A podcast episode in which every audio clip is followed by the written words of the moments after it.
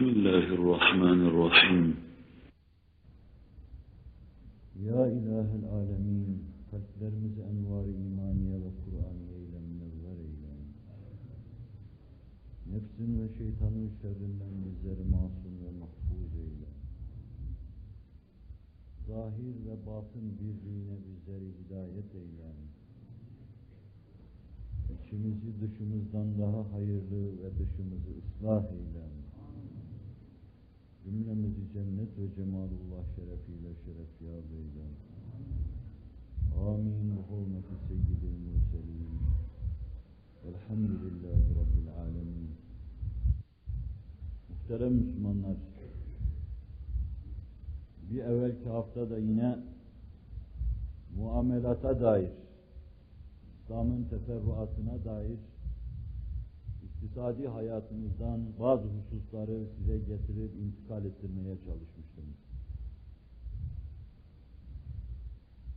Tekrarı zayıf sayıyorum. İçinde bulunduğumuz şartlar itibariyle içtimainin mevcelenmesindeki renkler itibariyle bugün içtimai hayatımıza getireceğimiz ve kazandıracağımız şeyler benim muvakkaten size anlattığım şeylerden çok farklı şeylerdir. Bütün seneleri onlara verme seza olan ve bütün seneleri onların uğrunda heder ettiğimiz, verdiğimiz en mukaddes, en mualla şeylerdir. Onlar o türlü şeylerdir ki bütün içtimai hayatımız onlar üzerine kurulur. İktisadi hayatımız onların üzerinde teessüs eder. Onlarda küçük bir inhiraf olursa, küçük bir arıza belirirse, ferdi, ailevi, içtimai bütün hayatımızda kendisini hissettirir. Evveliyetle biz o meseleleri ele alıyoruz. Sağlam bir fert bütünlüğü, iç dış bütünlüğü, gönül kafa vahdeti, iç alem dış alem vahdeti, kainat, eşya ve hadiseleri kavrama, dünyaya niçin geldiğini bilme, ve Allah karşısında takınması gereken ubudiyet tavrını takınma. Bu hususlar ıslah edildikten sonra bunlar üzerine terettüp edecek her mesele kendi kendine inşallahü teala yoluna girecektir. Bununla beraber zahidi tekrar ediyorum. Bir fikir vermek için ve ileride inşallahü teala asıl sahiplerini vazifeye davet etmek maksadıyla ben takatımın fevkinde bir husus omuzlarıma alarak cemaatin anlayışı seviyesinde takdim etme şartıyla onların huzuruna getirdim. Bana Cenab-ı Hak rızası ve ihlas dairesi içinde ifade imkanı bahşeylesin. Cemaati de bir lahza ihlastan, samimiyetten ve hüsnü niyetten ayırmasın. Yapacağımız şeylerin içinde Allah yoksa Celle Celaluhu, yani marzi ilahi yoksa, o hoşnut değilse, siz tutsanız cenneti yeryüzüne getirseniz, yine de bir şey yapmış olamazsınız. Allah yolunda ise yapılan işlerin büyüklüğüne, küçüklüğüne bakılmaz. Belki o istikamette onun rızasının gözetilmesine göre verilen işlere, ortaya dökülen şeylere değer verilir.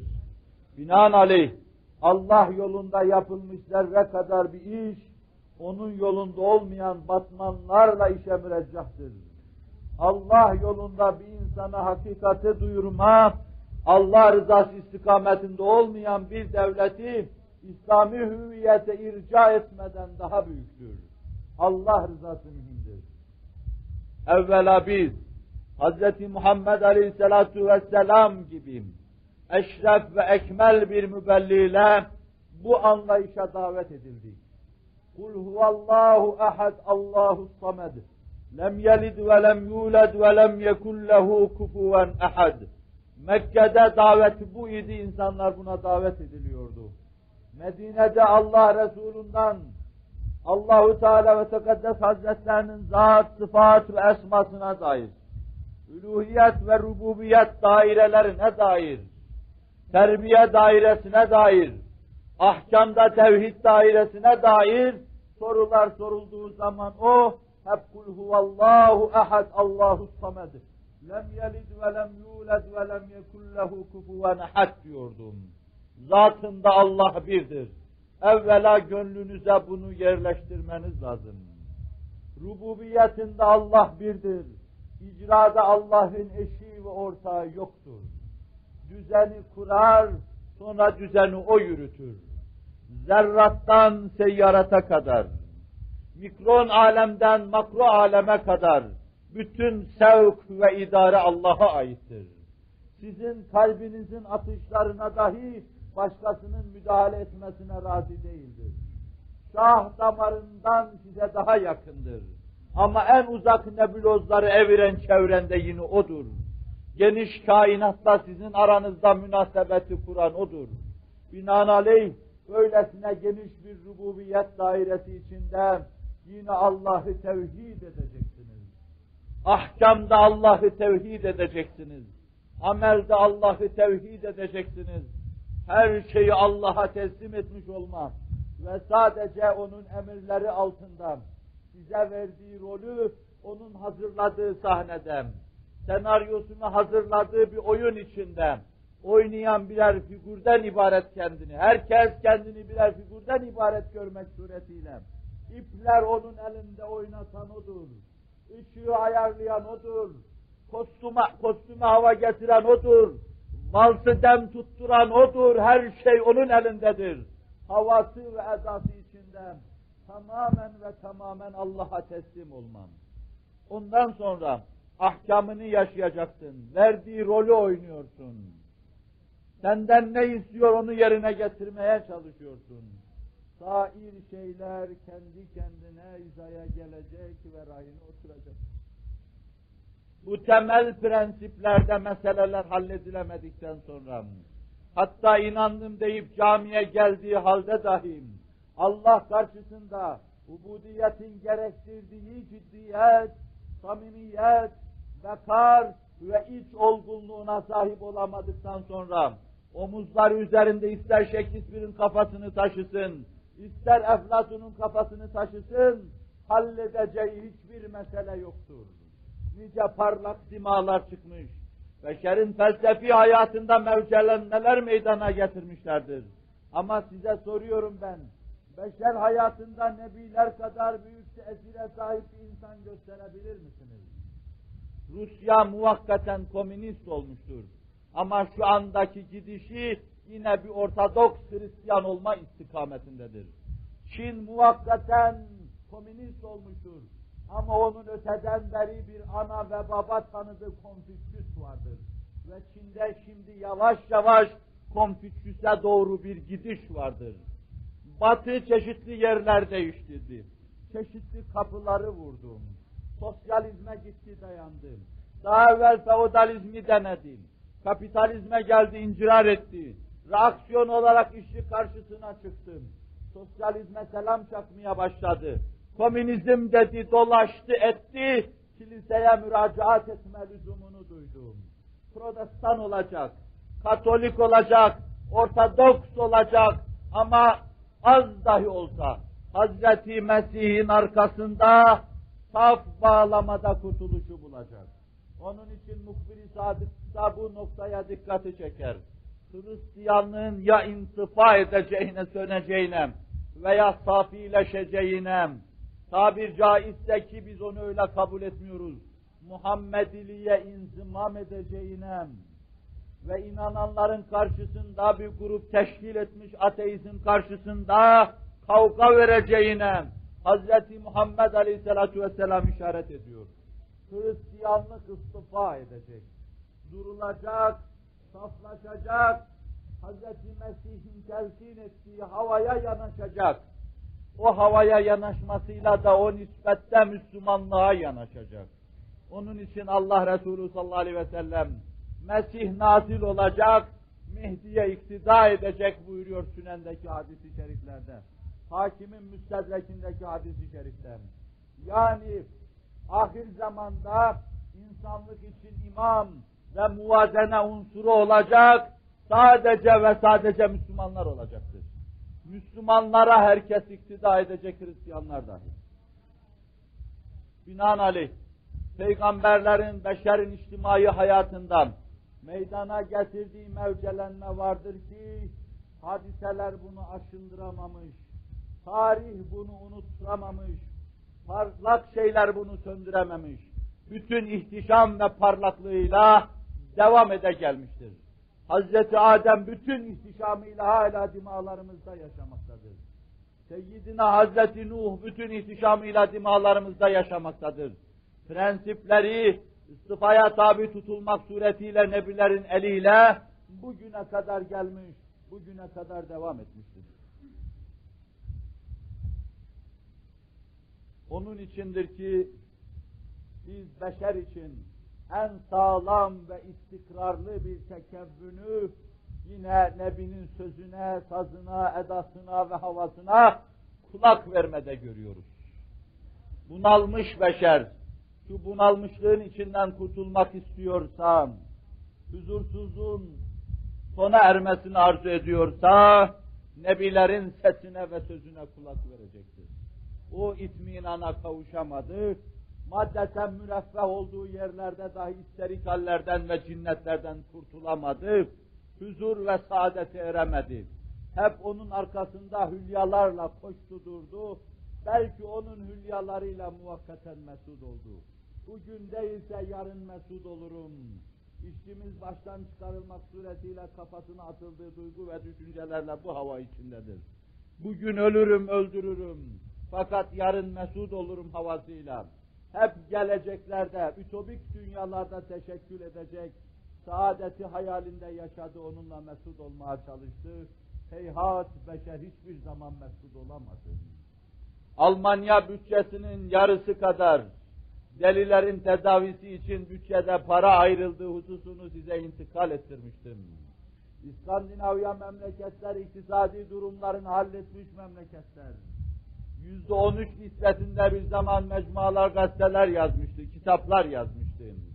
Kırkını geçen kadınlarda intihar vakasına şahit olunduğunu size yine intikal ettirmiştim.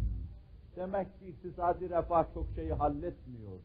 Ama fakru zaruret içinde, ciddi bir tevekkül ve teslimiyetle, yeni dünyalar kurma aşk ve şevkiyle, zevki sayesmede gören, çalışmada gören müminlere gelince batı için ve batıl sistemler için bahis mevzu olan, şeyler onlar için bahis mevzu değildir.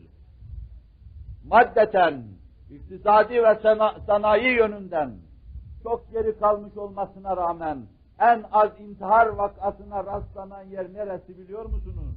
İni mübin İslam'ın onda birini yaşayan Suudi Arabistan'dır. Onda birini yaşıyor. Ya onda beşini yaşasaydı veya yeryüzünde bir cemaat olsaydı ki Allah'ın dediklerinin onda onunu yaşasaydı, huzursuzluk bahis mevzu olmayacaktı. Onda bir işi bu hale getirir. Yani intihar vakalarını bir iki arasında veya sıfıra incirar ettirirsem, ya onda beşi yaşanırsa ne olacak onu hesap edin. Temel mevzularımız bunlar bizim. Konuşacağımız her şeyi bunlara dayıyoruz. Meselelerimizi bunlara dayamadan onların muallak olduğu kanaatindeyiz. Asıntıda olan meselelerin bir şey halledeceği ve bir şey getireceği kanaatinde değiliz. Bütün meselelerimizi Allah'a imana, imanda irfana, irfanda meveddeti ve muhabbeti ilahiye, Allah'a karşı muhabbet göstermeye ve bu muhabbetin insan vicdan ve ledünnünde bir haz, bir lezzet halinde mevcelenmesine bağlıyor. Sistemimizi buna bu kuvvetli kaideye dayıyor ve yürüyeceğinden emin olarak sonra koltuğumuza rahat oturup duruyoruz. Cenab-ı Hak zat-ı üluhiyeti adına kalplerimizi iman ve irfanla donatsın. Bu noktada açık, eksik ve gedik bırakmasın Zira binlerce tecrübelerle kat'i kanaatimiz geldi ki, işi bu vadide halletmedikten sonra, hangi vadide ve hangi çeşit işe başvurulursa vurulsun, netice itibariyle iş fiyaskoyla neticeleniyor. Bağışlayın. Bir evvelki derste de toprak ve toprağın en ideal şekilde kullanılması hususunu size getirdim. İslam'da bir aktif politikanın, bütün hayatı çepeçevre sardığını huzurunuza getirdim. Onda muttasıl bir canlılık vardır. Onun için Müslüman bir hava içinde yaşayanlar arasında kahvede miskin miskin zamanını öldüren bir insan bulamayacağınız gibi ekilmemiş, yol olmamış, üzerinde müessese kurulmamış bir, bir avuç bir karış kadar boş toprakta bulamazsınız. Fert onda canlıdır. Fert kanlıdır. Fert dinamiktir. Fert hareketlidir. Sadece yatağa fert, vücudunun zaruri ihtiyacı olan Allah'ın ve cealna nevmekum sübatan hükmüyle muhkem bir kaziye haline getirdiği hayati bir zarureti yerine getirmek için uzanır. Döşeye sırtı gelir ama sadece zaruri ihtiyacını gidermek için zehirlenme dengesini, zehirlenmeye karşı vücutta dengeyi temin etmek için yatar. Bunun dışında onun ne koltuğa gerilip oturması, ne kahvede bulunması, uyuşuk uyuşuk oturması, vaktini israf ve itlaf etmesi, görülemediği olamadığı gibi bir karış toprağı da muattal değildir. Boşa akan suyu yoktur. Ağaç dikilmedik yeri yoktur. Onun için İslam'a metkal tarih ve magaziyi karıştırdığımız zaman çölün dahi cennete çevrildiğini görürüz. Hele daha ileriki devirlere, eski nebiler devrine gidildiği an, yine İslam kronolojisine yazılan metkalde müşahede ediyoruz. Sana'dan ta Yemen'den Medine'ye kadar gelen seyyah ve zainenin başına güneş vurmadan geldiğini tarihçiler bize naklediyorlar. Ağaçlar ve yeşillikler içinde geldiğini, nebilerin getirdiği İslam ruhu dünyayı cennete çeviriyor. Binaenaleyh dünyalarını cehenneme çevirmiş müminler, Allah'a imanda ve mescitte bir araya gelse Allah'a teveccüh etseler bile tembellikler üzerlerinde kaldığı müddetçe, kahveler ihya ettikleri müddetçe kurtulmuş olamayacaklardır. Allah ise insanlar hakkında ahlaklarına göre hüküm vermektedir. Kim ahlaken müminse ona muvaffakiyet hükmünü verecektir. Kim ahlaken kafirse ona da mağlubiyet hükmünü verecektir. Şayet bir Hristiyan ahlaken mümin ise, yani müminde bulunması gereken sıfatları taşıyorsam, yani çalışkansam, yani sistematiksem, yani metodolojiye uygun çalışıyorsam, yani hayatını değerlendiriyorsam, uyku ve çalışma zamanını ayırmışsam, hayatında sistem hakimsem, ahlak-ı aliye ilahiye ile mütehallik isem, Allah ona göre hüküm verecek, muvaffak kılacaktır. Senin imanının mükafatına gelince, izan halindeyse onun mükafatını ahirette göreceksin. Dünyada Allah'ın verdiği ahkam bu istikamette cereyan etmektedir. Yanlış anlamayın. Hayata ait bütün yönleri ihmal ettikten sonra camide gelip el açmakla Allah'ın sizi muvaffak kılacağına da çok bel bağlamayın. Zira camide el açma bir şeyin neticesidir ama hepsi değildir. Bir şeyin neticesidir. Esbaba riayet etmenin neticesidir. Size belki yüz defa arz ettim. Allah Resulü en fevkalade şekilde muallem ordusuyla Bedir kuyusunun başına kadar geldi. İman ve izanda onlar çok ileri seviyedeydiler. Her birisi melek numun bir insandı. Kütüye konup doğrandığı an en son parçasına kadar doğranmaya tabi tutulsa dahi of demeyecek kadar bu mevzuda zirek, canlı, mukavemetli ve dönmeyi bilmeyen insanlardı. Buraya kadar şartlarına uygun olarak bir cemaati hazırladı, hasımlarının karşısına çıkardı. Sonra ellerini açtım. Hazreti Ebu Bekir'in ifadesiyle ridası sırtından düşüyordu. Alıp koyuyordum, kollarını o kadar kaldırmış. İşten o kadar yalvarıyordu ki kollarının altındaki, koltukların altındaki beyazlığı görüyordum. Ve acıdım, merhamet ettim. Yeter ya Resulallah dedim. Nefsi seniyenizi eziyet buyuruyorsunuz. Allah seni hizdan ve huslana maruz bırakmayacak, muvaffak edecektir. O duada ısrar ediyordu. Ve nihayet döndü tebessüm buyurdu. Beşaret ve vaadi ilahi gelmişti. Allah Resulü sallallahu aleyhi ve sellem şartları hazırlayıp bütün şartlara riayet ettikten sonra dua ediyordu. Siz hayata ait şartları ihmal etmiş iseniz duanız faydasız değildir. Duanızın bir faydası vardır ama bir neticedir o sadece. Belki dünyaya ait şeyler şeyler için gerekli olan şeyleri, şartları yerine getirmedikten sonra dua sadece Rabbinize karşı bir tarzı ubudiyet takınmadan ileriye gitmeyecek. Ve Cenab-ı Hak bir şey lütfedecekse etsin inşallah Teala. Mahkeme-i Kübra madele-i ulyasında elinizden tutacaktır. İslam'da toprağa karşı bakışın, toprağı aktif kılıcı mahiyette olduğu hususundan girizgah bulup girdik buraya. Mümin ahlak-ı aliye İslamiye ile mütekallik. Allah yarattığı her şeyi yaratırken fayda ve maslahatlar gözetmiş. Fayda ve maslahatlar zat-ı bağlamaz. Fakat hakim isminin muktezası yarattığı her şeyde faydalar ve maslahatlar vardır. Bunun zaruri neticesi olarak Allah'ın işlerinde abes yoktur. Allah'ın icraatında işe yaramayacak bir şey yoktur. Ve bu ahlakı Allah bize telkin ederek, yeryüzünde bütün abesiyetlerden, bütün maslahatsızlıklardan, bütün faydasızlıklardan, füzuli bulunmadan, füzuli yer işgal etmeden, füzuli vakit israf etmeden bizi çekinmeye davet eder. Ahlak-ı aliye ile mütehallik olacaksın. Toprak o zaman canlılık kazanacak. Ve misallerini devri Risalet Fenai'den intikal ettirmek suretiyle verdim. Vakıa, Frengistan'dan ithal edilmiş tabirlere de yer yer müracaat etmek suretiyle nefsim ve enaniyetim hesabına sözde ilmilik yapıyor gibi bir şeyler anlatmaya çalıştım.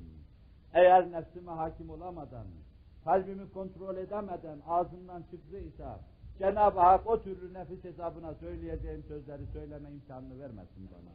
Ben istiyorum ki bütün soluklarım onu hoşnut edici mahiyette olsun. Gazab-ı ilahiye vesile olacak ne bir tavır, ne bir davranış, ne bir eda, ne de sözde bir ritim. Hiçbiri olmasın, batsın yerin dibine. Her şey onu hoşnut etme istikametinde olsun. Toprağın en verimli şekilde kullanılışını, Seyyidina Hazreti Ömer devrinden misaller ve Seyyidina Ömer bin Abdülaziz devrinden misaller intikal ettirmek suretiyle bir evvelki cuma ve daha evvelki derslerden arz etmeye çalışmıştım. Ve ondan sonra Frenkçe ifadesiyle sosyoekonomide sermayenin yeri hususuna dikkatinizi çektim. İçtimai iktisadimizde diyeyim ben. Topluluk olarak, topyekun bir millet olarak iktisadi hayatımızda sermayenin yerine dikkatinizi çektim. Ve mevzu bağlamaya gelirken sermaye ve emek mücadelesini arz etmeyi düşündüğümü size söyledim. Vaktin hitame ermesiyle birkaç cümleyle arz edeceğim bu hususu arz etme imkanını bulamadım. Cenab-ı Hak imkan bahşetsin. İlat ve samimiyet içinde inşallah Teala bunu ve arkasından gelecek imkan olursa kira ve ücret, kiranın faize iltibatı hususunu arz edeyim. Ve yine vakit bulabilirsem az buçuk ribaya temas edip mirası da intikal ettireyim.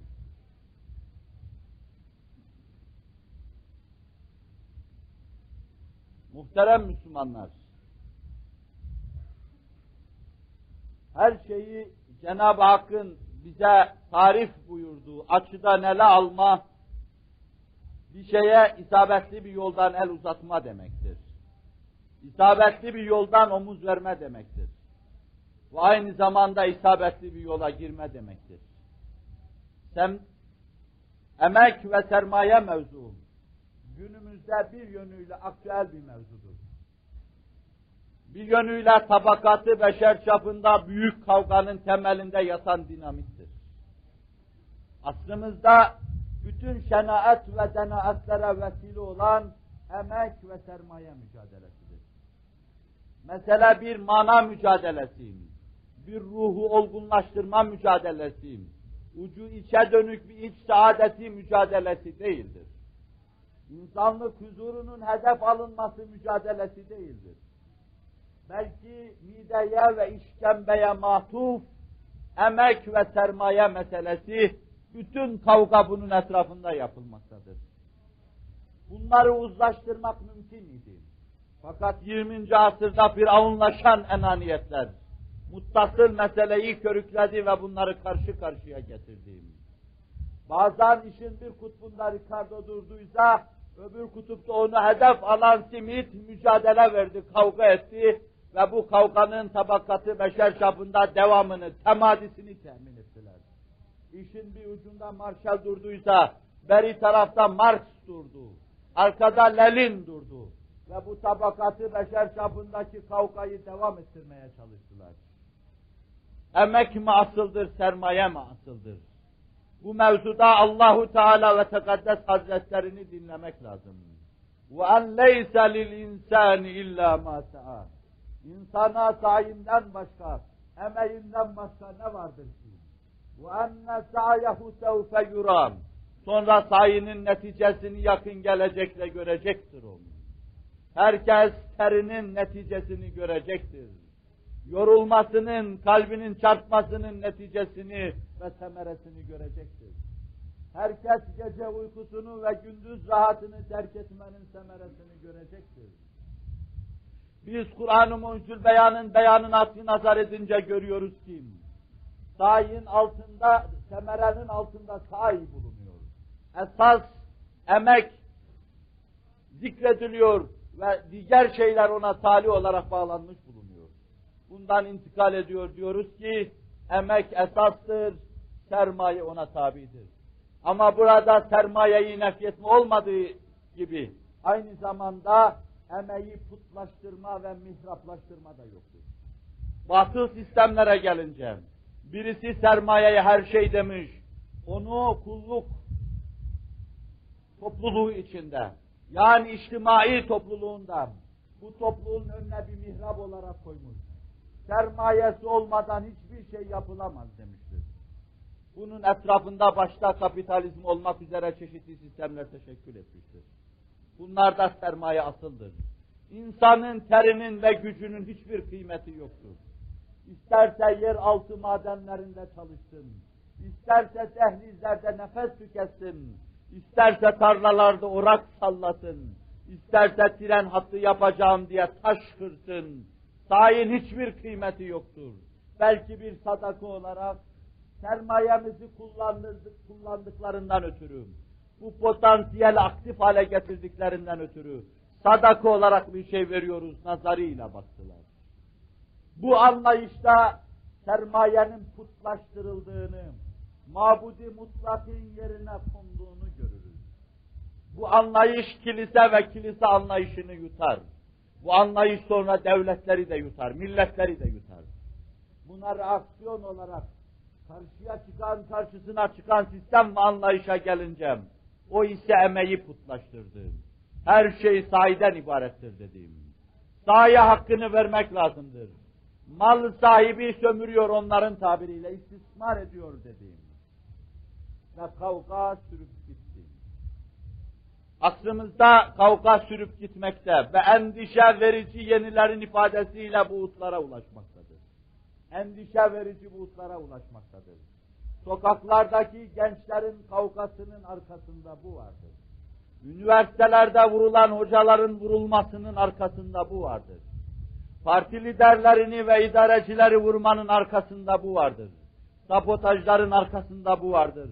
Gece uykunuzda, rahat uykunuzda sizi tedirgin eden, huzurunuzu kaçıran silah seslerinin arkasında bu vardır. Öldürülen polislerin, kaçırılan siyasilerin arkasında bu vardır. Baştan çıkarılmış, çılgına döndürülmüş, Frankenstein'in hortakları haline getirilmiş, neslin bütün dalalet ve tuğyanlarının arkasında bu vardır. Sahi ve sermaye kavgası, emek ve sermaye kavgası vardır.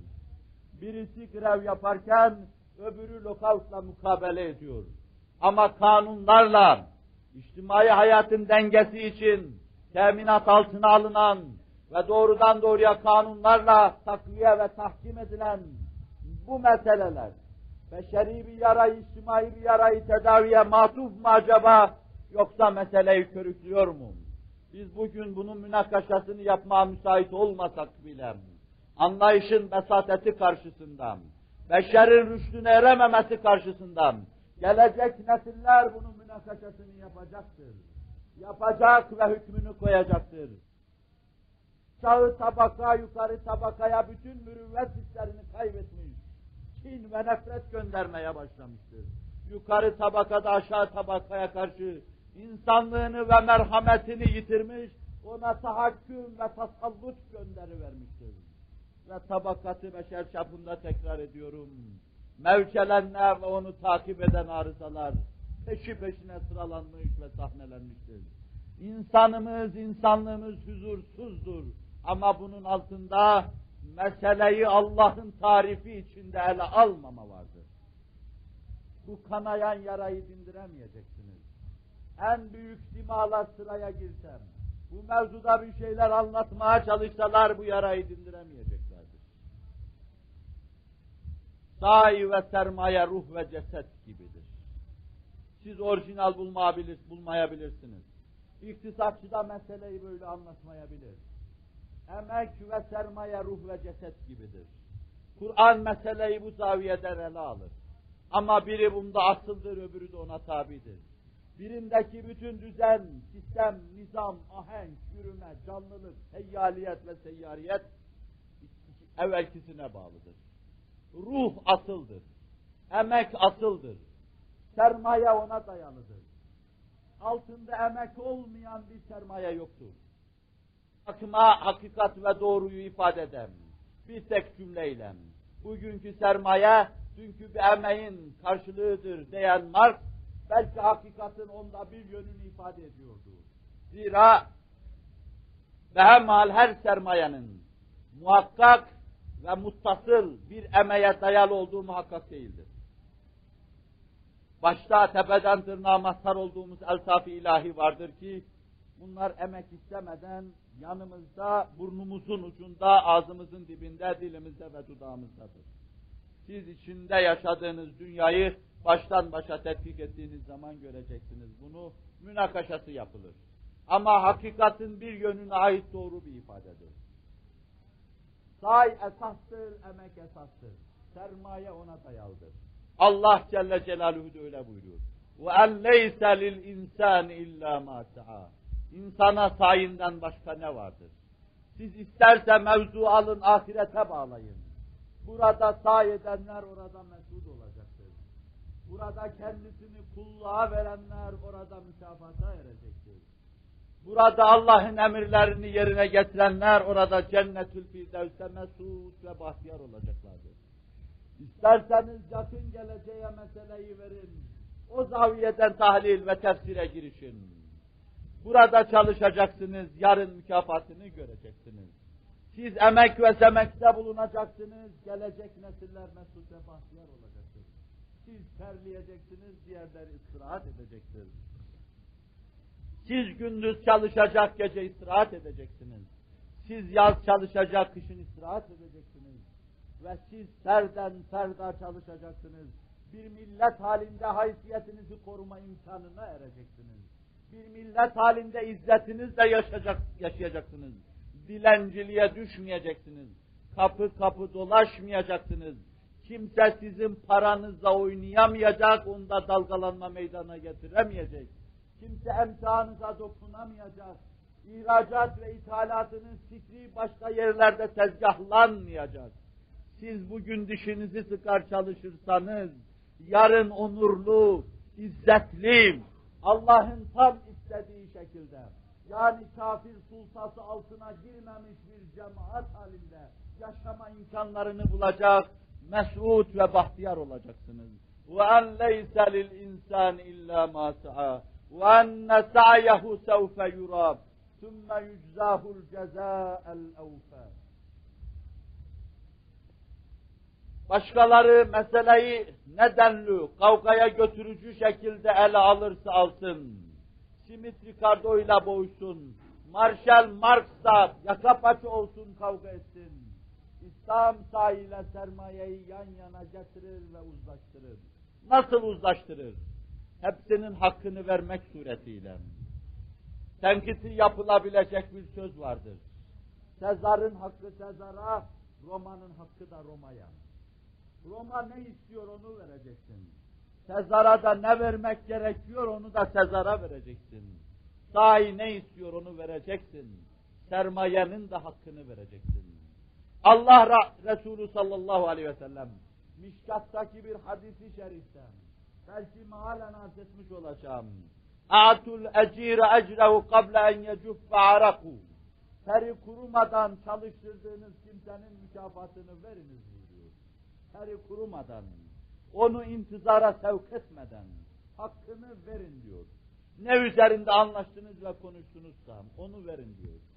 Buhari'deki hadisi şerifte ise Allah Resulü sermaye sahibinin yeni ifadesiyle patronum ve zengini de hesaba katarak şu muvazeneyi getiriyor. İçinde Allah hakkı ve payı tabir caizse ayrılmadan kimsenin herhangi bir hakka sahip olması, herhangi bir şey istimal etmesi caiz değildir. Allah hakkı her hak sahibine hakkının verilmesi ve hakkı olmayan şeylere de elin uzatılmamasıdır. Muvazene budur. Evvela Allah hakkını ayıracaksın. Nedir Allah hakkı? Allah hakkı zekattan, öşürden, cizyeden başlardan, kulunu Allah'ın kullarını çalıştırdığın zaman hakkını hakkıyla ödemeye kadar gider. Evvela Allah hakkını ayıracaksın. İçinde Allah hakları ayrılmamış senin malın dahi olsa, ondan senin yemen haramdır prensibini getiriyor. Ve işin öbür ucunda da şu hükmü veriyor Resul-i Ekrem sallallahu aleyhi ve sellem. Her hak, her hak sahibine hakkını vermektir. Her hak sahibine hakkını veriniz. Hakkınız olmayan şeye de el uzatmayın. Hakkını alacaktır. Ve aynı zamanda işverenin hakkını da ödeyecektir. Başında bulunduğu tezgahı çalıştıracaktır. Size misalini arz ettim. Üç beş tane Japon geliyor. Japonya'dan. Bizim buradaki BMC veya METAŞ'ı geziyorlar. Bin tane işçinin çalıştığını görünce şaşıyorlar. Biz Japonya'da en fazla böyle bir düzeni yüz adamla yürütürüz. Buraya yüz adam yeter, dokuz yüz adam fazladan buradan maaş alıyor. Çalışan insan hakkını verecek. Başında durduğu tezgahın hakkını verecek. Öbürü de onu kardeşi bilecek. Kendi istifadesi kadar istifade ettirecek. Misalleri gelince arz edeceğim. Böylece sahi ve sermaye bir hakikatin birer yönünden ibaret, bir vahidin birer yönünden ibaret aynı şey haline gelir. Onun için ona ruh ve ceset dedik. Siz sahi sildiğiniz zaman sermayeye bir mesnet bulamazsınız. Ama sermayeyi de inkar edemezsiniz. Zira o sahaya inzimam ettiği zaman mücerret sah ile elde edilenin çok fevkinde şeylerin elde edildiği pratik hayatın ders olarak bize getirdiği hususlardandır. Biri milyonlarıyla çalışır, öbürü de sadece teriyle çalışır. Milyonlarla çalışan bir insanın çok kazanması tabiidir. Çok kazanması gayet normaldir. Binaenaleyh sermayenin de kendine göre ceset gibi bir yeri vardır. Ama sahi sildiğiniz zaman kapitalist anlayışıyla sermaye denen şey kokar ortada kalır. Arazi ekilmez, biçilmez hale gelir. Topraklar ağaçsız hale gelir. Ve paralar bankalarda muattal hale gelir. Bu ise Allah'ın sevmediğim, kenz diye tenkit ettiği, mahkeme-i kübraya gidildiği zaman kızdırılıp kızdırılıp sahibinin alnına, sağına, soluna basılacağı tehdidini yaptığı bir hazinedir. İslam aktif istiyor. Paranın dahi aktif olmasını istiyor. Mükerreren huzurunuza getirdim ve arz ettim. Binaenaleyh işin bir yönünde işin hakkını verme var. Öyle iş verecek ki verdiği işi Allah'a, Resulullah'a ve insanlara beğendirecek. Öyle sanatkarlıkta bulunacak ki ortaya döktüğü sanat eserini Allah beğenecek, Resulullah beğenecek ve müminler beğenecek. Ve kul i'melû feseyerallâhu amelekum ve resûluhu vel mu'minûn.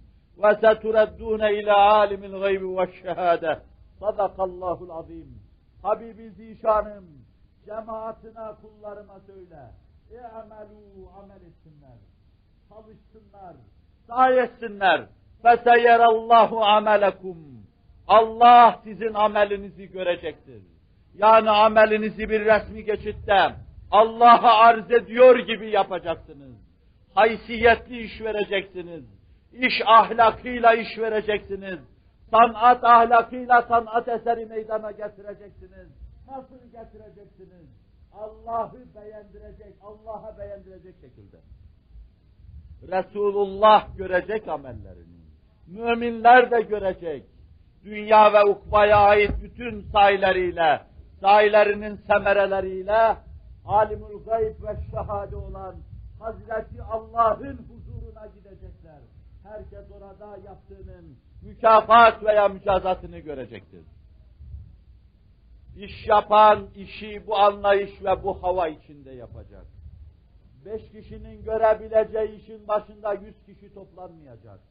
Zira böyle bir anlayışla iş yapmam, hem istihsali kundaklama, hem istihlaki kundaklama, hem topyekun bir milletin iktisadi hayatını kundaklama demektir. İşverende Allah'ın hakkını ayırmadan ağzına götüreceği lokmanın kendisine haram olduğu Buhari'nin ifadesiyle şuuru içinde yapacaktır bunu. Hatta vereceği yoksa şayet ona verecek bir şey bulamazsam çevirdiği iş düzenine onu da ortak kılacak. Ve günümüzde mesele dünden bugüne gele gele kısmen mukayyet ve şartlı dahi olsa cebri determinizma içinde gelip bu kerteye dayanmıştır. Günümüzün büyük tüccarı, büyük iş adamı ve sanayicisi, eski devirlerdeki kartellere benzer kartelleri kuranlar, tröstleri idare edenler, çeşitli şebekeleriyle iktisadi hayata hakim olmak isteyenler, er geç gelip bu kerteye dayanacaklardır. Zira beşer köleliği reddettiği gibi ecirliği de reddetmektedir. Ücretle çalışmayı da reddetmektedir. Bunların bir kısmı hüsnü niyet ve samimiyetle eski havayı devam ettirmeyi düşünseler bile, tabakatı beşer çapında estirilen havadan ötürü, meydana getirilen efkarı ammeden ötürü, sonuna kadar bu işi devam ettirmek mümkün olsa bile çok zordur. Binaenaleyh diyorum ki, şayet ecrini onu memnun edecek, kendi yaşadığı kadar onu da mesut edecek şekilde ödeyemiyorsa, tehdit edemiyorsam, onu çalıştırdığı düzene ortak kılacaktır. Buhari ve Müslim'de mağaraya girmiş insanların durumundan bu meseleye intikal etmeyi düşünüyorum. Seyyidül Beşer ferman ediyor sallallahu aleyhi ve sellem. Eski devirlerden üç insan yolda yürürken maruz kaldıkları bir yağmurdan ötürü mağaraya sığındılar. Buhari ve Müslim'de görüyoruz. Mağaraya girdikten sonra da mağaranın kapısına yukarıdan bir taş kaydı, geldi ve kapıyı kapadı. Öyle kocaman bir taş idi ki, beşer güç ve kuvvetiyle bunu kaydırmak mümkün değildi. Onun için esbab bil külliye sukut etti. Müsebbibül esbaba dönmek gerekiyordu. Seyyidina Hazreti Yunus bin Metta gibi La ilahe illa ente subhanek inni kuntu minez zalimin demek gerekiyordu. Seni tesbihü takdis ederiz ey yüce Allah. Senden başka mabudu mutlak maksudu bil istikak yoktur. Havl ve kuvvet senindir. Biz nefsimize zulmettik deme durumuna gelmişlerdi. Bütün sebepler işlemez, tesir etmez hale gelince, insan ruhu ve gönlünün rahmet alemiyle o denli kuvvetli bir rezonans olması vardır ki, eğer o şekilde insan Rabbine müracaat ederse, o esnada gökler yıkılır, yer paramparça olur. Esbab sukut etmişti. Gökten baş aşağıya düşerken, hiçbir sebebi semi itibare, nazar itibare almadan La ilahe illallah diyen adam havası içinde Allah'a teveccüh gerekiyordu. وَابْتَغُوا اِلَيْهِ الْوَسِيلَةً Rabbinize teveccühten, iç aleminizi, duygu ve düşüncelerinizi, münacat ve yakarışlarınızı Rabbinize takdim ederken vesileler araştırın. Rahmet kapısının şifreli kilidini çözebilecek vesileler araştırın.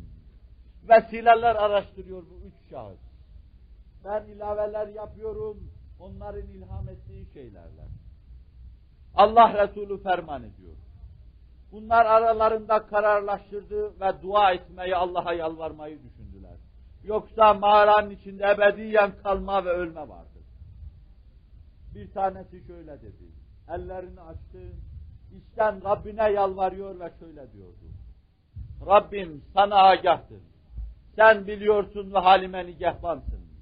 Benim bir annem ve babam vardı. Senin rızan için bunlara itaat ederdim. Hani Kur'an'dan evvel aynı ferman nazil olmuşsa وَلَا تَقُلْ لَهُمَا uf Onlara uf bile dememiştim. Her akşam koyunlarımı gütmeden döner ve sonra Arap'ın kabuk dediğim, onların akşamlık sütlerini getirir, onlara içirir, onları yatırır, istirahat ettirir, sonra çoluk çocuğumun ailemin yanına döner ve kendi istirahatımı düşünürdüm. Bir gün her nasılsa geç kaldım. Eve döndüğüm zaman onları yatmış uyumuş olarak buldum. Elimde su kadehi bekliyordum. Çocuklara da daha sonra vermem gerekiyordu. Ama adetim öteden beri oydu ki hem hanımıma hem de çocuklarımı onları tercih ediyordum. Çocuklarım ayaklarıma sarılıyor benden istiyorlardı sütü. Bense gönlüm razı olmuyordu onları içirmeden, doyurmadan onlara vermek. Şafak sökünceye kadar bekledim başların ucundan. Rahatsız etmek de istemedim. Kalktıklarında beni kıyamda el pençe divan buldular. Sütü içirdim kendilerine dua ettiler. Rabbim sırf bunu senin rızan için yaptım. Eğer seni hoşnutluk istikametindeyse sen bu taş, taşı bertaraf eyle Allah'ım dedi. Taş bir karış kadar kayıverdi. Müsebbibül esbabla, rahmetle rezonans olma vardı. Sebepler sukut etmişti. Gönül müsebbibi esbaba teveccüh etmiş ve bir vesileyle, vesile dilekçesiyle rahmet kapısına teveccüh edilmiş müracaatta bulunulmuştu. Rahmet cevabı sevap veriyordu. İkincisi şöyle dedi. Rabbim benim yakınlarımdan bir tanesinin kerimesi vardı. Bir insanın bir kadına bağlanabileceği duygu ve düşüncenin çok fevkinde bağlılık hissediyordum. Senelerce arkasından koştum. Mali imkanlarla dize getirip ram edeceğim anda bana dedi ki ey Allah'ın kulum Allah'tan kork dedim. Gayri meşru bir muamelede bulunmam. Resul-i Ekrem'in kinaye ile anlattığı şeylere ben ayrı şekilde bir eda veriyorum. Allah'tan kork. Allah'ın yapmanı istemediği şeyi yapma, bozmanı istemediği şeyi bozma dedi. Rabbim bütün imkanları elde ettiğim dakikadan, bütün beşeriyetim üzerimdeyken, en son noktada, en son kertede ben geriye çekildim senden korktuğum için. Bunu senin rızan için yaptımsa sen bu taşı kaydır Allah'ım dedi. Taş bir karış daha kaydı. O mu büyüktür? Bu vakada cereyan eden şey mi büyüktür? Herkes kendi hava ve edasına göre değerlendirsin. Mevzumuzla alakalı üçüncü şahsın durumuna gelince, Rabbim ben birini çalıştırdım bütün çalıştırdıklarımın ecrini verdiğim gibi onun da ecrini verdim. Halbuki o azımsadı almadı. Biz onunla işte o kadar ecirde anlaşmıştık. Ben bunu almam dedi, çekti gitti. Bu şayet bir koyun veya bir sığırsam, o gidince ben onu kullanmak istemedim. Onun hakkıdır diye elim uzatmadım. Hakkı hak sahibine vermek istedim. Razı olmayınca da haksızlık yapıp elimi başkasının hakkına uzatmadım. Ne yaptım? Onun o sığırı koyunu içinde ayrı bir vadi kestim, bir kıta yaptım. Onu da orada yettim ve güttüm. Aradan seneler geçince o da bir sürü haline geldi. Bir gün yine kafasına esmiş kapıma geldi benim. Arkadaş dedi Allah'tan kork. Beni çalıştırdın hakkımı vermedin. Ver hakkımı. Ben de o sürüleri gösterdim ona. İşte bunlar hakkındır dedim. Ben fakirim dedi benimle alay etme istihza etmem. Vallahi alay etmiyorum. Alıp da götürmediğin o şeyi nemalandırdım bu hale geldi. Şimdi al götür dedim. Sevine sevine aldı götürdü. Rabbim sırf bunu senin için yaptım. Seni hoşnut etmek ve senden korktuğum için yaptım. Senin için yaptımsa bu taş kayıp gitsin. Taş sonuna kadar kaydı dışarıya çıktılar buyuruyor. Allah Resulü sallallahu aleyhi ve sellem. Ey bütün mağaradakiler! Mağaraya girdikleri halde kapısına taş kapanmış içeride kalmış olanlar. Kefere ve fecerenin tasallut ve tahakkümü altında bulunanlar. Hakkı hak sahibine verdiğiniz zaman, haksızlıktan elinizi aldığınız zaman, kapınıza gelip kapanan ve sizi ashab-ı kehf gibi orada mahpus hale getiren o taş kayı verecek. Siz hürriyetin, siz iradenin geniş sahasına çıkma, çıkma imkanını bulacaksınız.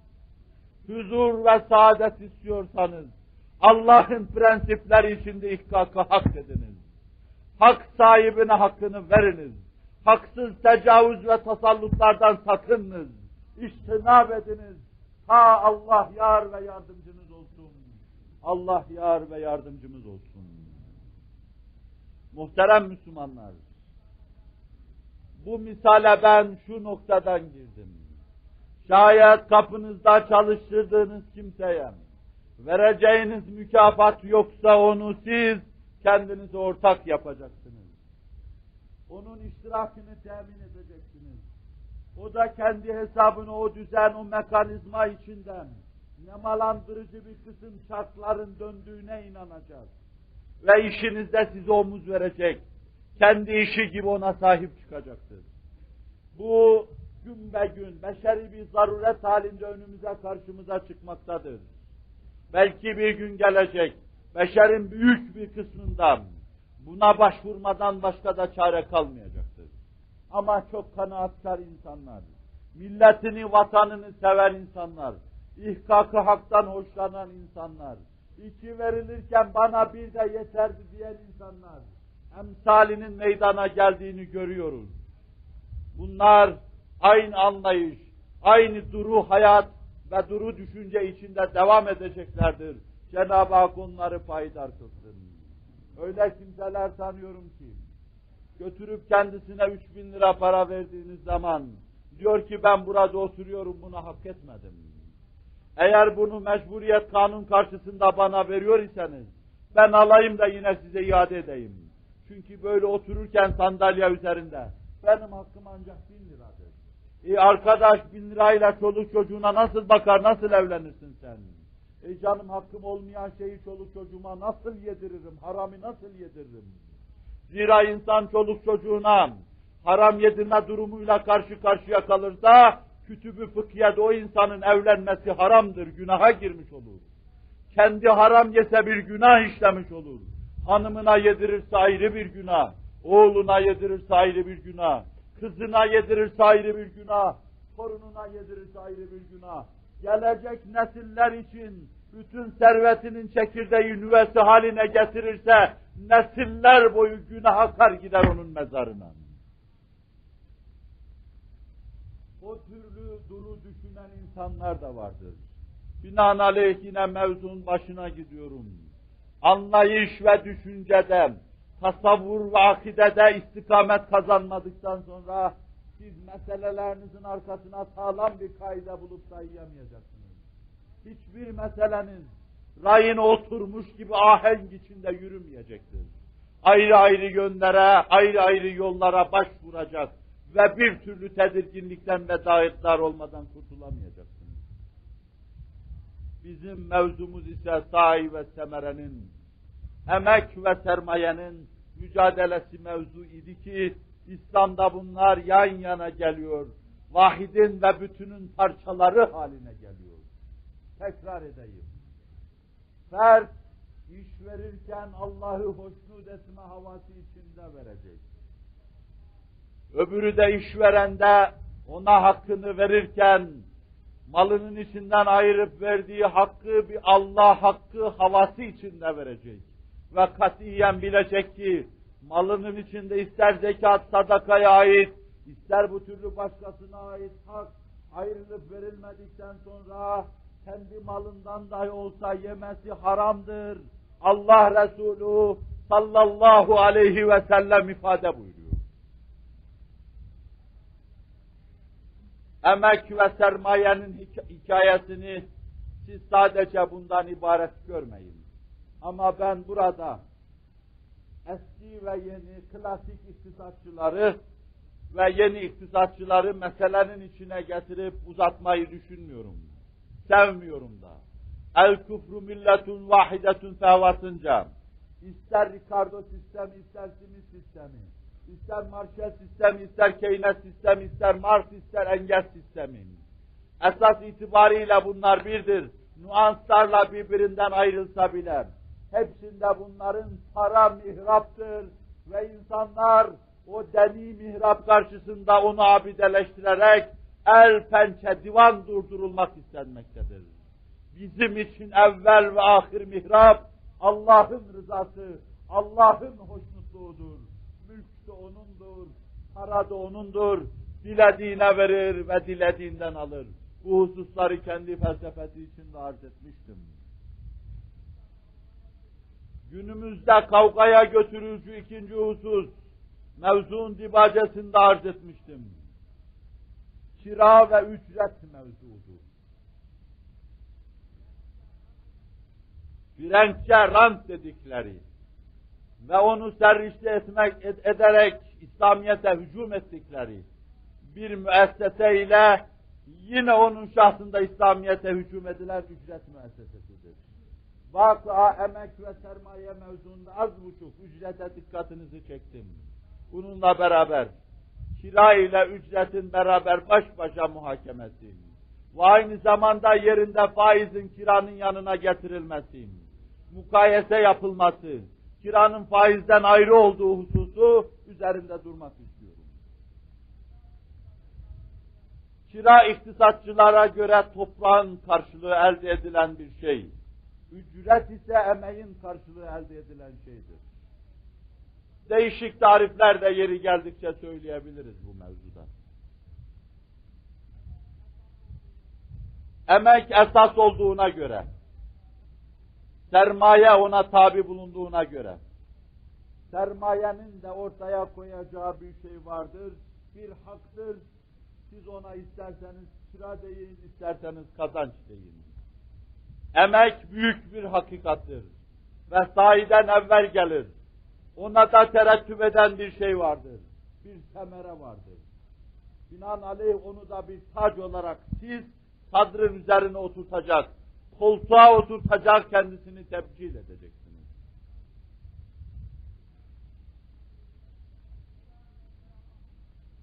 Kira İslam'a hücum edilen mevzulardan bir tanesidir. İslam kölelik müessesesi gibi, cariyelik müessesesi gibi, rant müessesesini de korumuştur. Kirayı korumuştur. Bunu söylerken iki üç yönlü hem anlamama meseleyi hem de haksızlık, zulüm ve itisaf bahis mevzudur. Günümüzdeki kira müessesesi zaviyesinden hiç de aslı saadette bu şekilde cereyan etmeyen kira müessesesine hücum etme, o aslı bilmemenin ifadesi. Saniyen, kirayı faize benzetme, aynı faizdir deme ve tarifler içinde, Ricardo'nun tarifi içinde, biri mal üzerine terettüp eden bir semere ise, malın nemalandırılmasına karşılık, mukabil şayet, mal sahibine verilen bir ödül ise, veya başkalarının mesela Marshall'ın ifadesiyle ise bir bekletme ise şayet. Belki de pasif olan malın, pasif olan mal potansiyelinin aktif hale getirilmesine terettüp eden bir şeydir. Faiz. Bir yerde yatacak parayı alacak, onu aktif kılacak, o potansiyeli değerlendirecek ve karşısında sana faiz verecektir. Binaenaleyh toprağını, damını kiraya verip karşılığında bir şey almanla, bankaya parayı koyup veya tefecinin ağına düşüp ondan veya işte tefecilere faiz alanlara para verip tefecilik yapıp faiz alman arasında fark yoktur. Der. Bu hususun müdafi daha ziyade kapitalist iktisatçılardır. Evvela devri Risalet Benahi'de bu şekilde bir şey yoktu. Allah Resulü sallallahu aleyhi ve sellem toprağa ait hususlara dikkatinizi çekerken bu mevzuda nasıl hassas davrandığına dikkatinizi ayrıca çekmiştim. Resul-i Ekrem sallallahu aleyhi ve sellem buyururlar ki siz toprağı başkalarına mahsulün şu kadarına karşılık, şu kadarına karşılık verin de onu bir kira karşılığı vermeyin. Şarihler ifade ediyorlar. Muhtemelen belki o tarladan hiçbir şey elde edemeyeceksiniz. Hiçbir şey elde edemeyeceksiniz ve siz sadece bedava kirayı vermiş olacaksınız. Ama kira bu usul bu şekilde olursa, yani tarladan elde edilecek mahsulün bir miktarı karşılığında olursa, zarara duçar olunursa her iki tarafta zarara duçar olur. Ama kira şeklinde olursa doğru faize benzer yönü vardır onun. Fakat böyle bir kiraya da Resul-i Ekrem sallallahu aleyhi ve sellem katiyen faiz dememiştir. Daha sonra bir kısım sahabe-i kiram radıyallahu anh'ın bu hadisi şerifi mensuh göstererek nitekim Şafii mezhebinden Hazimi bu mevzuda yazdığı nasih ve mensuh eserinden bu meselenin de nesedildiğini ve kiraya vermenin caiz olduğu hususunu ifade ediyor. Ama yine kira tatbikatı bir esas, bir asıl değildir. Dikkat buyurun. Toprak politikasında arz ettiğim gibi, belki İslam her şey gibi toprağı da aktif tutmak ister. Toprağı canlı, seyyar ve seyyal tutmak. Onu kiraya vermeye vabeste onu kiraya da verebilir. Yani bir yerde toprak sahibi bütün toprağını işlettiremiyorsa, bir kısmı muattal kalacaksa, ölü kalacaksa, bir yerde onu ihya edecek kiraya verir. Ta her avuç toprağa kadar bütün toprak canlılık, seyyaliyet ve semeredarlık kazansın. Aktif hale gelsin. Demek oluyor ki, bir zaruret muvacehesinde toprak kirasına başvuruluyor. İkincisi, sosyalist ve kapitalist iktisatçılar, ummiyet itibariyle rantı tenkit ederken, onu toprağa terettüp eden bir semere olarak ele almaktadırlar.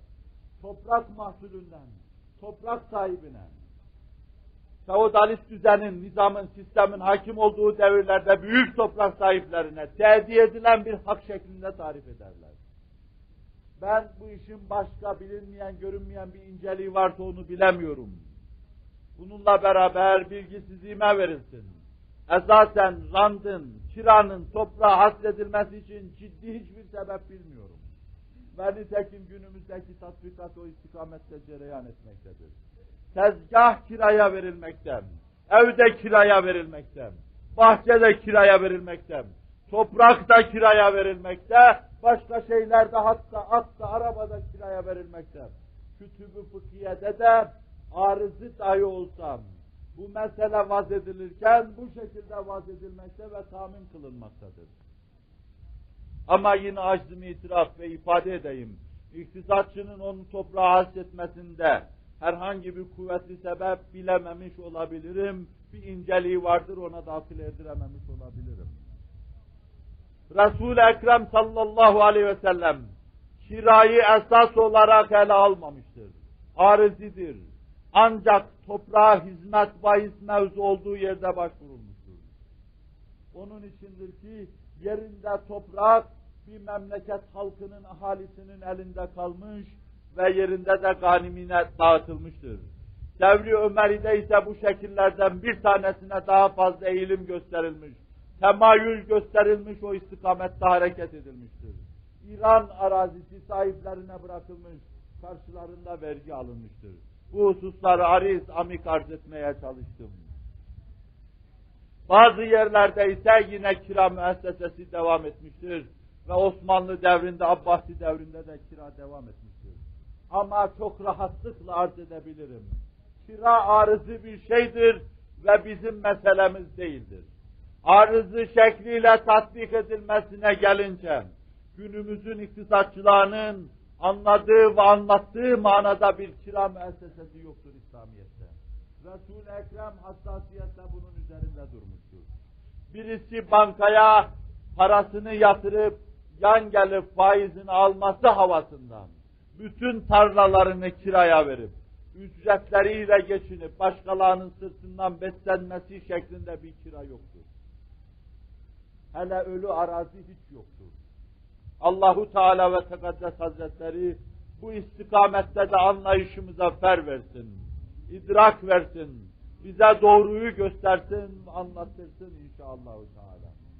Bunu da tarif ederken yine diyorlar ki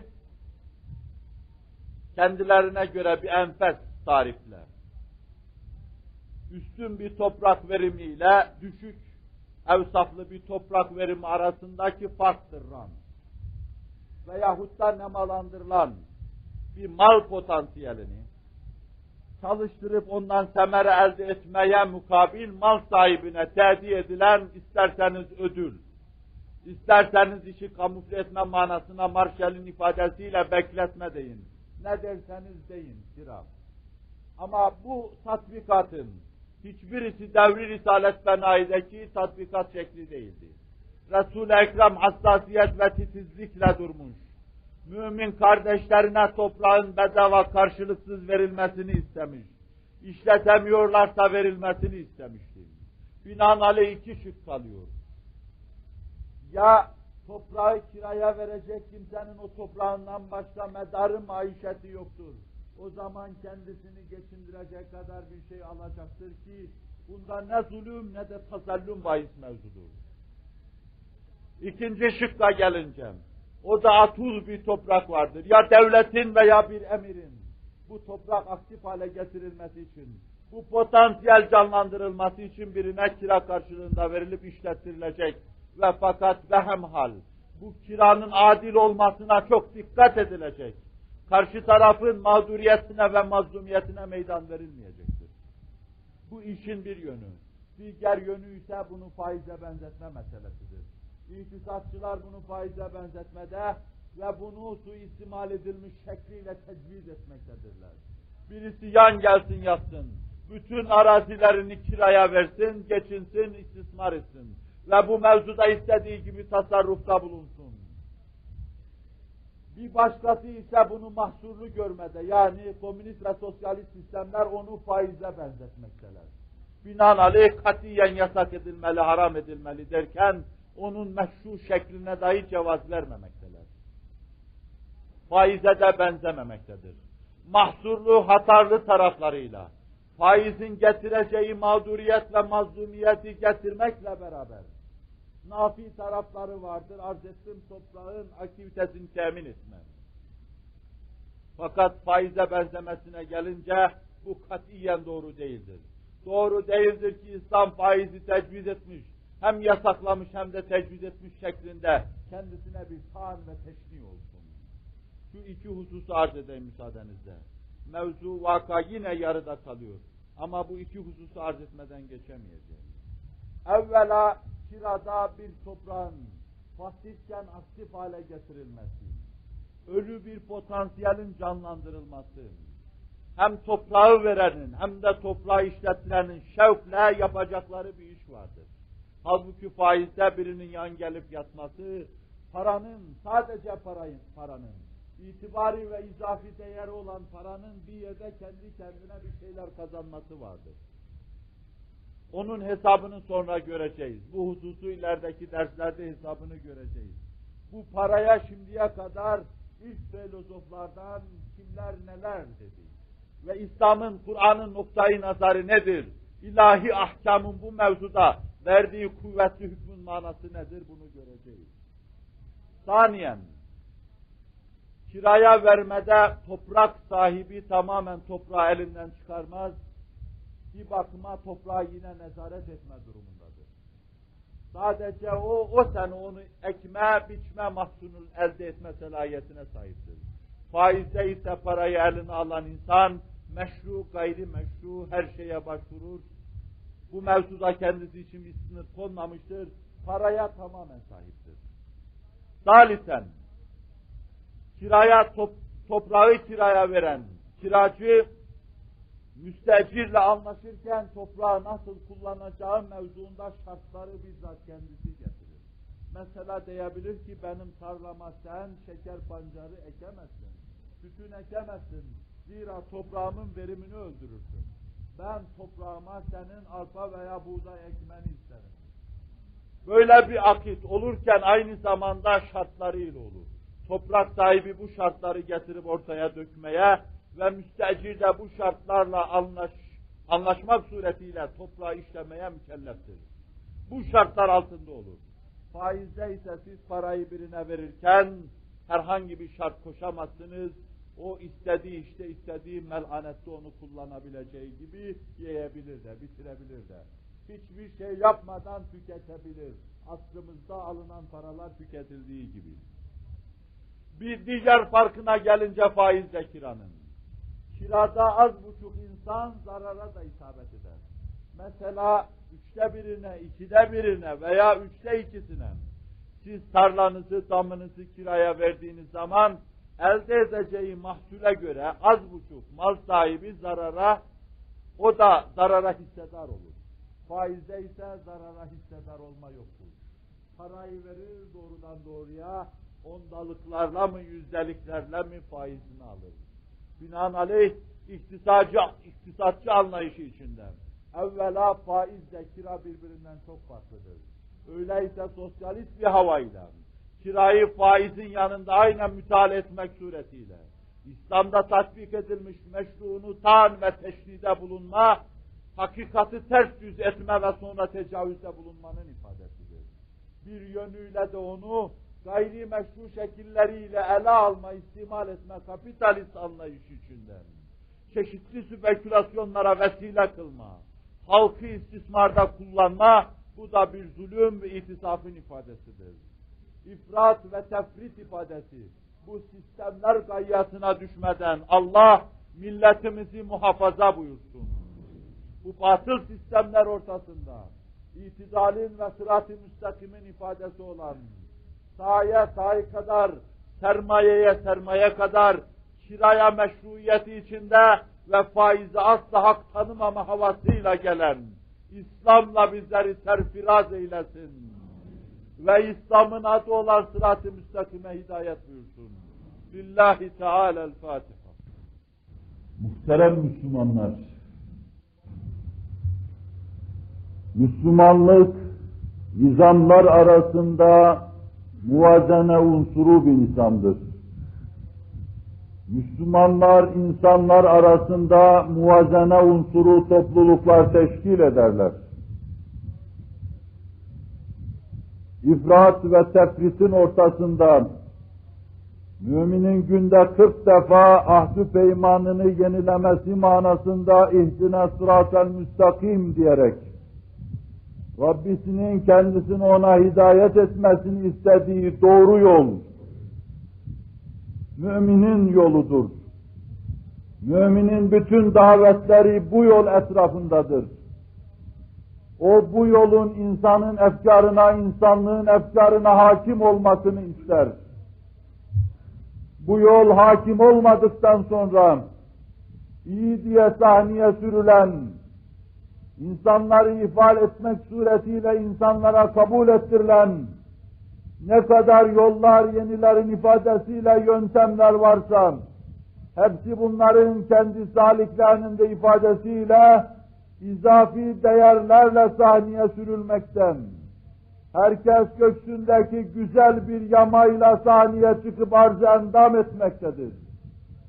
O kâmeti balayı kapatacak, tepeden tırnağa setredecek, göz alıcı bir kisven, sadece ve sadece semavi damgasıyla, Allah'a ait ifadeleriyle, Hz. Muhammed'in mahbidi vahyi ilahi olan pak kalbine esip esip gelmesiyle, mana ve tonunu bulan, Kur'an'da, Kur'an'ın ahkamından, Kur'an'ın meydana getirdiği cemaatta, cemaatin ruh hayatında ve aksiyonundadır.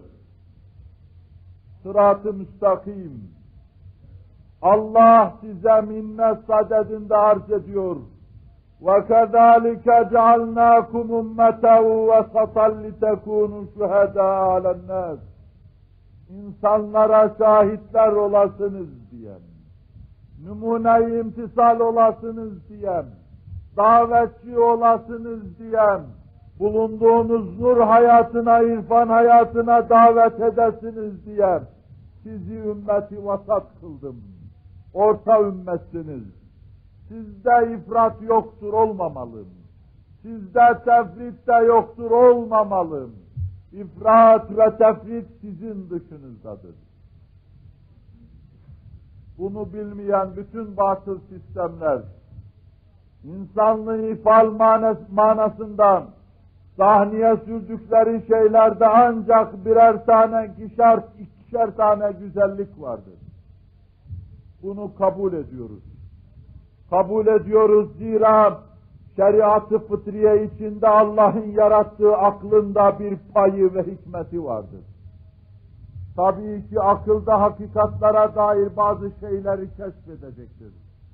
Ama akla bütün seyyaliyet ve cevvaliyetini kazandırma, onu vahyin rehberliği altında yürütmeye bağlıdır. Aklı Mevlana'nın ifadesiyle Hazreti Muhammed Aleyhisselatu Vesselam'ın yoluna kurban edeceksin. Akla en büyük payeyi kazandırmış olacaksın. Bununla beraber kefere ve fecereden aklın hikmeti vücudu olarak güzellik diyebileceğimiz şeylerin mevcudiyeti inkar edilemez. Ama bir iki güzellik, bir iki hakikat adına bütün hakikatları inkar etmeye gelince bu da eşi emsali bulunmaz bir itisaf, bir zulüm, bir tecavüz ve bir anlayışsızlığın ifadesidir. Falan bizden daha kötü. Sermaye sahiplerine hak imkan tanıma sistemi bizden daha kötü. Veya sermayeyi tanımama, ona hiç iratta mahal tanımama bizden, bizim sistemden daha kötü.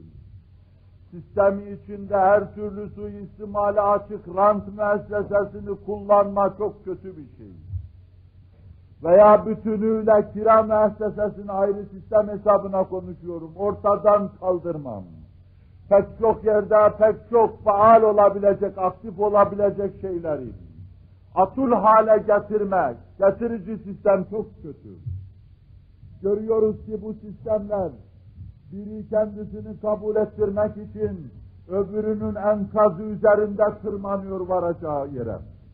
Belki yine kendisini kabul ettirmek için hep öbürünü kötülemek suretiyle, hususiyle aslımızda şai ve moda haline gelen felsefe, zaten Hegel'in monizması üzerine müesses olduğundan ötürü, tez, sentez, antitez, tez, antitez, sentez, hikayesine bina edildiğinden ötürü, yıkma bir bakıma esas alınmaktan, menfi hareket etme esas alınmaktan, başkalarının enkazı üzerinde yeni şeyler kurma havasıyla hareket edilmektedir. Bizim için, bir mümin, bir Müslüman için kazandığı arpanın yedide birinin hesabını Rabbine verme endişesini taşıyan bir mümin kalbi için ne sermayenin suistimal edilmesi, ne paranın suistimal edilmesi, ne kiranın suistimal edilmesi bahis mevzu değildir. Binaenaleyh batıl sistemler, karşı batıl sistemde gördükleri şeylerle birbirlerini tenkit etseler bile, suistimal edilmemiş bir hususun, bir müessesenin İslam'da canlılığını ve teravetini muhafaza ettiği müddetçe ona hücum etmeleri haksızlıktır, şayani teessüf bir keyfiyettir. Evet bizde suistimal edilmiş ne sermayedarlık vardır, ne bağışlayın mal babalığı vardır, ne feodalist sistemlerde olduğu gibi toprak ağalığı vardır, ne kapitalist sistemlerde olduğu gibi ezirin çalışmasıyla, sahiyle beslenme ve onun cehdini ve cöhdünü istismar etme vardır. Bizde varlıklı varlığıyla biter. Varlığa ermek için biter. Var olmaya giden yolun yokluktan geçtiğine inanarak, nefis enaniyet ve dünya cihetiyle tükenme yoluna girer. Seyyidina Hazreti İbrahim Halilur Rahman vaka mevsuk kitaplarda olmasa bile Peygamberler babası bu şanı yüce Nebi'nin Rabbisine karşı böylesine hissi semahat içinde bulunması gayet normaldir. Göklerde melekler aleminde, meleği ala ve nebi alada hakkında konuşmalar cereyan eder. Halilur Rahman, Rahman'ın dostu, Allah'ın dostu, Rab ona dostum demiş, yüce bir payem. Allah Resulü Buhari Müslim'de dostluğu ele alırken şöyle buyurur. Eğer Allah Celle Celaluhu kendinden başka bir dost edinmemi tecviz buyursaydı Ebu Bekir'i dost edinirdim. O benim kardeşimdir. Allah Halilur Rahman'ı dost edindi. Allah Resulullah'ı Habib ve dost edindi. Allah'ın dostu. Hazreti İbrahim, Nebilerin babası. Ama yığın yığın serveti olduğu şahit. Binlerce, yüz binlerce koyunum. O kadar muhafızları. Belki muhafızları da öyle debdebe içinden. Meleğin aklından geçen şey, hılkatı Adem'e istifsar mahiyetinde tevcih ettiği soru gibi bir şey. Halilur Rahman çok zengin ya Rabbi. Gidin bakın nasıl zengin. Vadileri dolduran koyunlarıyla mı zengin? Yoksa gönlündeki iman ve irfan hayatıyla mı zengin? Siz onun zenginliğini onunla mı görüyorsunuz? İç alemine girdiğiniz zaman ilahi irfana ait mevcelenmeleri gördüğünüz an kendinizden geçeceksiniz. Daha büyük bir zenginlikle karşı karşıya kalacaksınız. Cibril Halilur Rahman'ın yanında belirir. Esselamu Aleyküm ve Rahmetullahi ve Berekatuhu. Yolcuyum, uzak yerden geliyorum. Şu koyunlardan bir tanesini bana verir misin? Göklerden gelen Hazreti Cibril uzak yoldan geliyor. Şu koyunlardan bir tanesini bana verir misin? Halilur Rahman Rabbini tanıtmanın aşıkı. O kadar ki önüne sofrayı koyduğu kimselere Allah'a inanıyor musunuz der. Allah'a inanma onun için her şeydir. Bir insanın Allah deyip pervaz edip cennetlere uçması her şeydir. Sen benim Rabbimin adını bir kere anar mısın? Hazır, nazır melekler de vardır. Nebi, Nebi Ala samit infiali içinde manzarayı seyretmekten. Meleği Ala iki büklüm bu manzaraya bakmaktan. Sen benim Rabbimin adını anar mısın? Bizim rükuda okuyacağımız tesbihler arasında Efendimizin ifadesine bağlı. Subbuhun kuddusun Rabbuna ve Rabbul melaikati ve ruh der. Bu meleklerin tesbihi. Biz de rükuda okuyoruz bunu.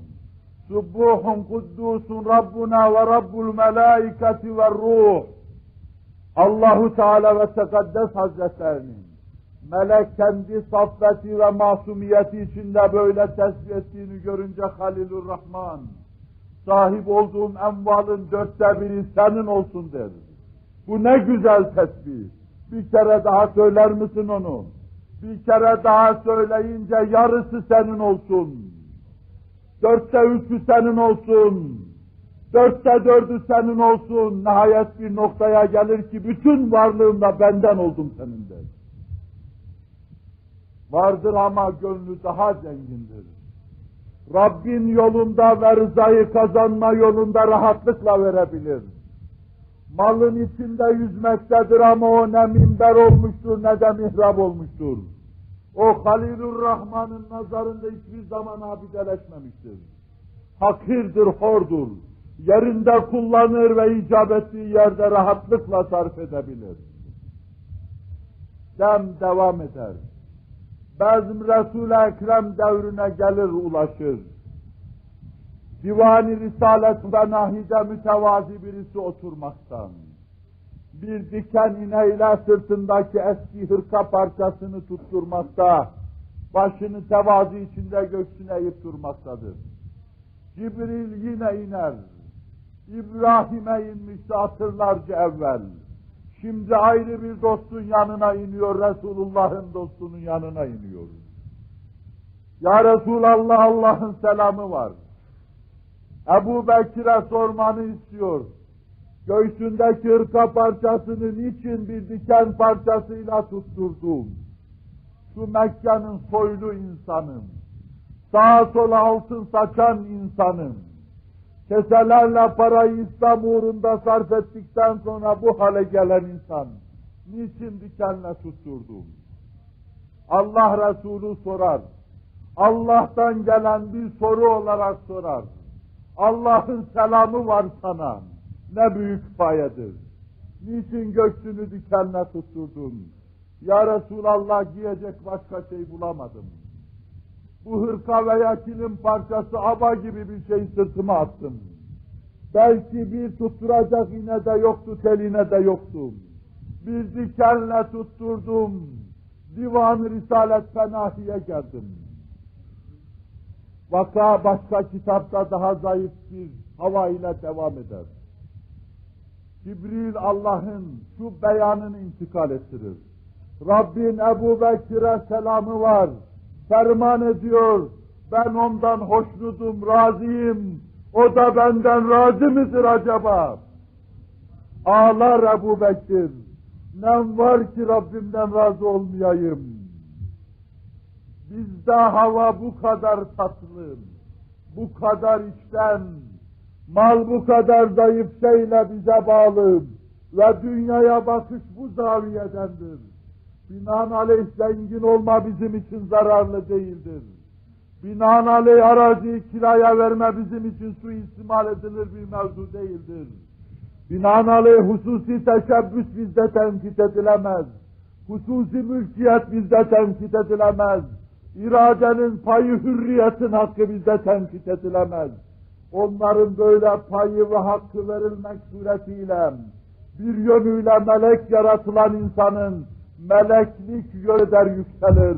Allah'ın selamı var. Razı mi ben ondan razıyım sözüyle tebcil edilir ve tebrik edilir. Cenab-ı Hak döndüğümüz bu ulvi ve mukaddes duygu ve bunların pratik hayattaki canlanmasını şu yeri, yeni dirilişimizin arefesinde kevün ve varoluş yoluna girmişsiniz demektir. Allah'ın sizden beklediği budur. Gönül aydınlığıyla İslam adına size yüklediği, tahmil ettiği mükellefiyet ve vazifeleri yapmak ve sonra şen-i rububiyetin mukteziyatına karışmamak. Ne eylerse güzel eyler demek. Pencerelerden bakmak, içine girmeden tatlı bir neşve içinde ilahi cilveleri tatlılıkla seyretmek. Allah bizi aziz ve şerif eylesin. İmana muvaffak kılmakla aziz eylediği gibi dünyevi ve uhrevi bütün müşküllerimizi hal etmek suretiyle de bizi aziz eylesin. Ela inne ahsenel kelam ve eblegan nizam kelamullahil melikil azizil allam كما قال الله تبارك وتعالى في الكلام وإذا قرأ القرآن فاستمعوا له وأنصتوا لعلكم ترحمون الحمد لله إلا الله Allah'ın kulları en büyük payeyi Allah'a intisapta bulanlar boynundaki tasması, ayağındaki prangasıyla övünenler ve iftihar edenler yüzlerini Rabbin huzurunda yere korken kendilerini en aziz ve şerif görenler. İttakullâhe ve ati'ûh. Allah'a karşı gelmekten sakının. Rabbinizden onun azameti kadar korkun. Küçüklüğünüz kadar korkun. Büyüklüğü kadar saygılı olun. Himayesine girin ve Rabbinize itaat edin. İnna Allah bil adli vel ihsani ve ita'i zil kurba. Muhakkak Allah adaletle emrediyor. Kur'an'da hayat diye size tarif buyurduğu düsturları hayata hayat kılmakla emrediyor. En geniş manasıyla ihsanla emrediyor Sizi görerek ve bilerek yaratan, her şeyinizi gören ve bilen, en ince işlerinize nigahban olan Rabbinize, onu görüyor gibi kulluk yapmakla, siz onu görmeseniz dahi o sizi görüyor ya, kulluk yapmakla emrediyor.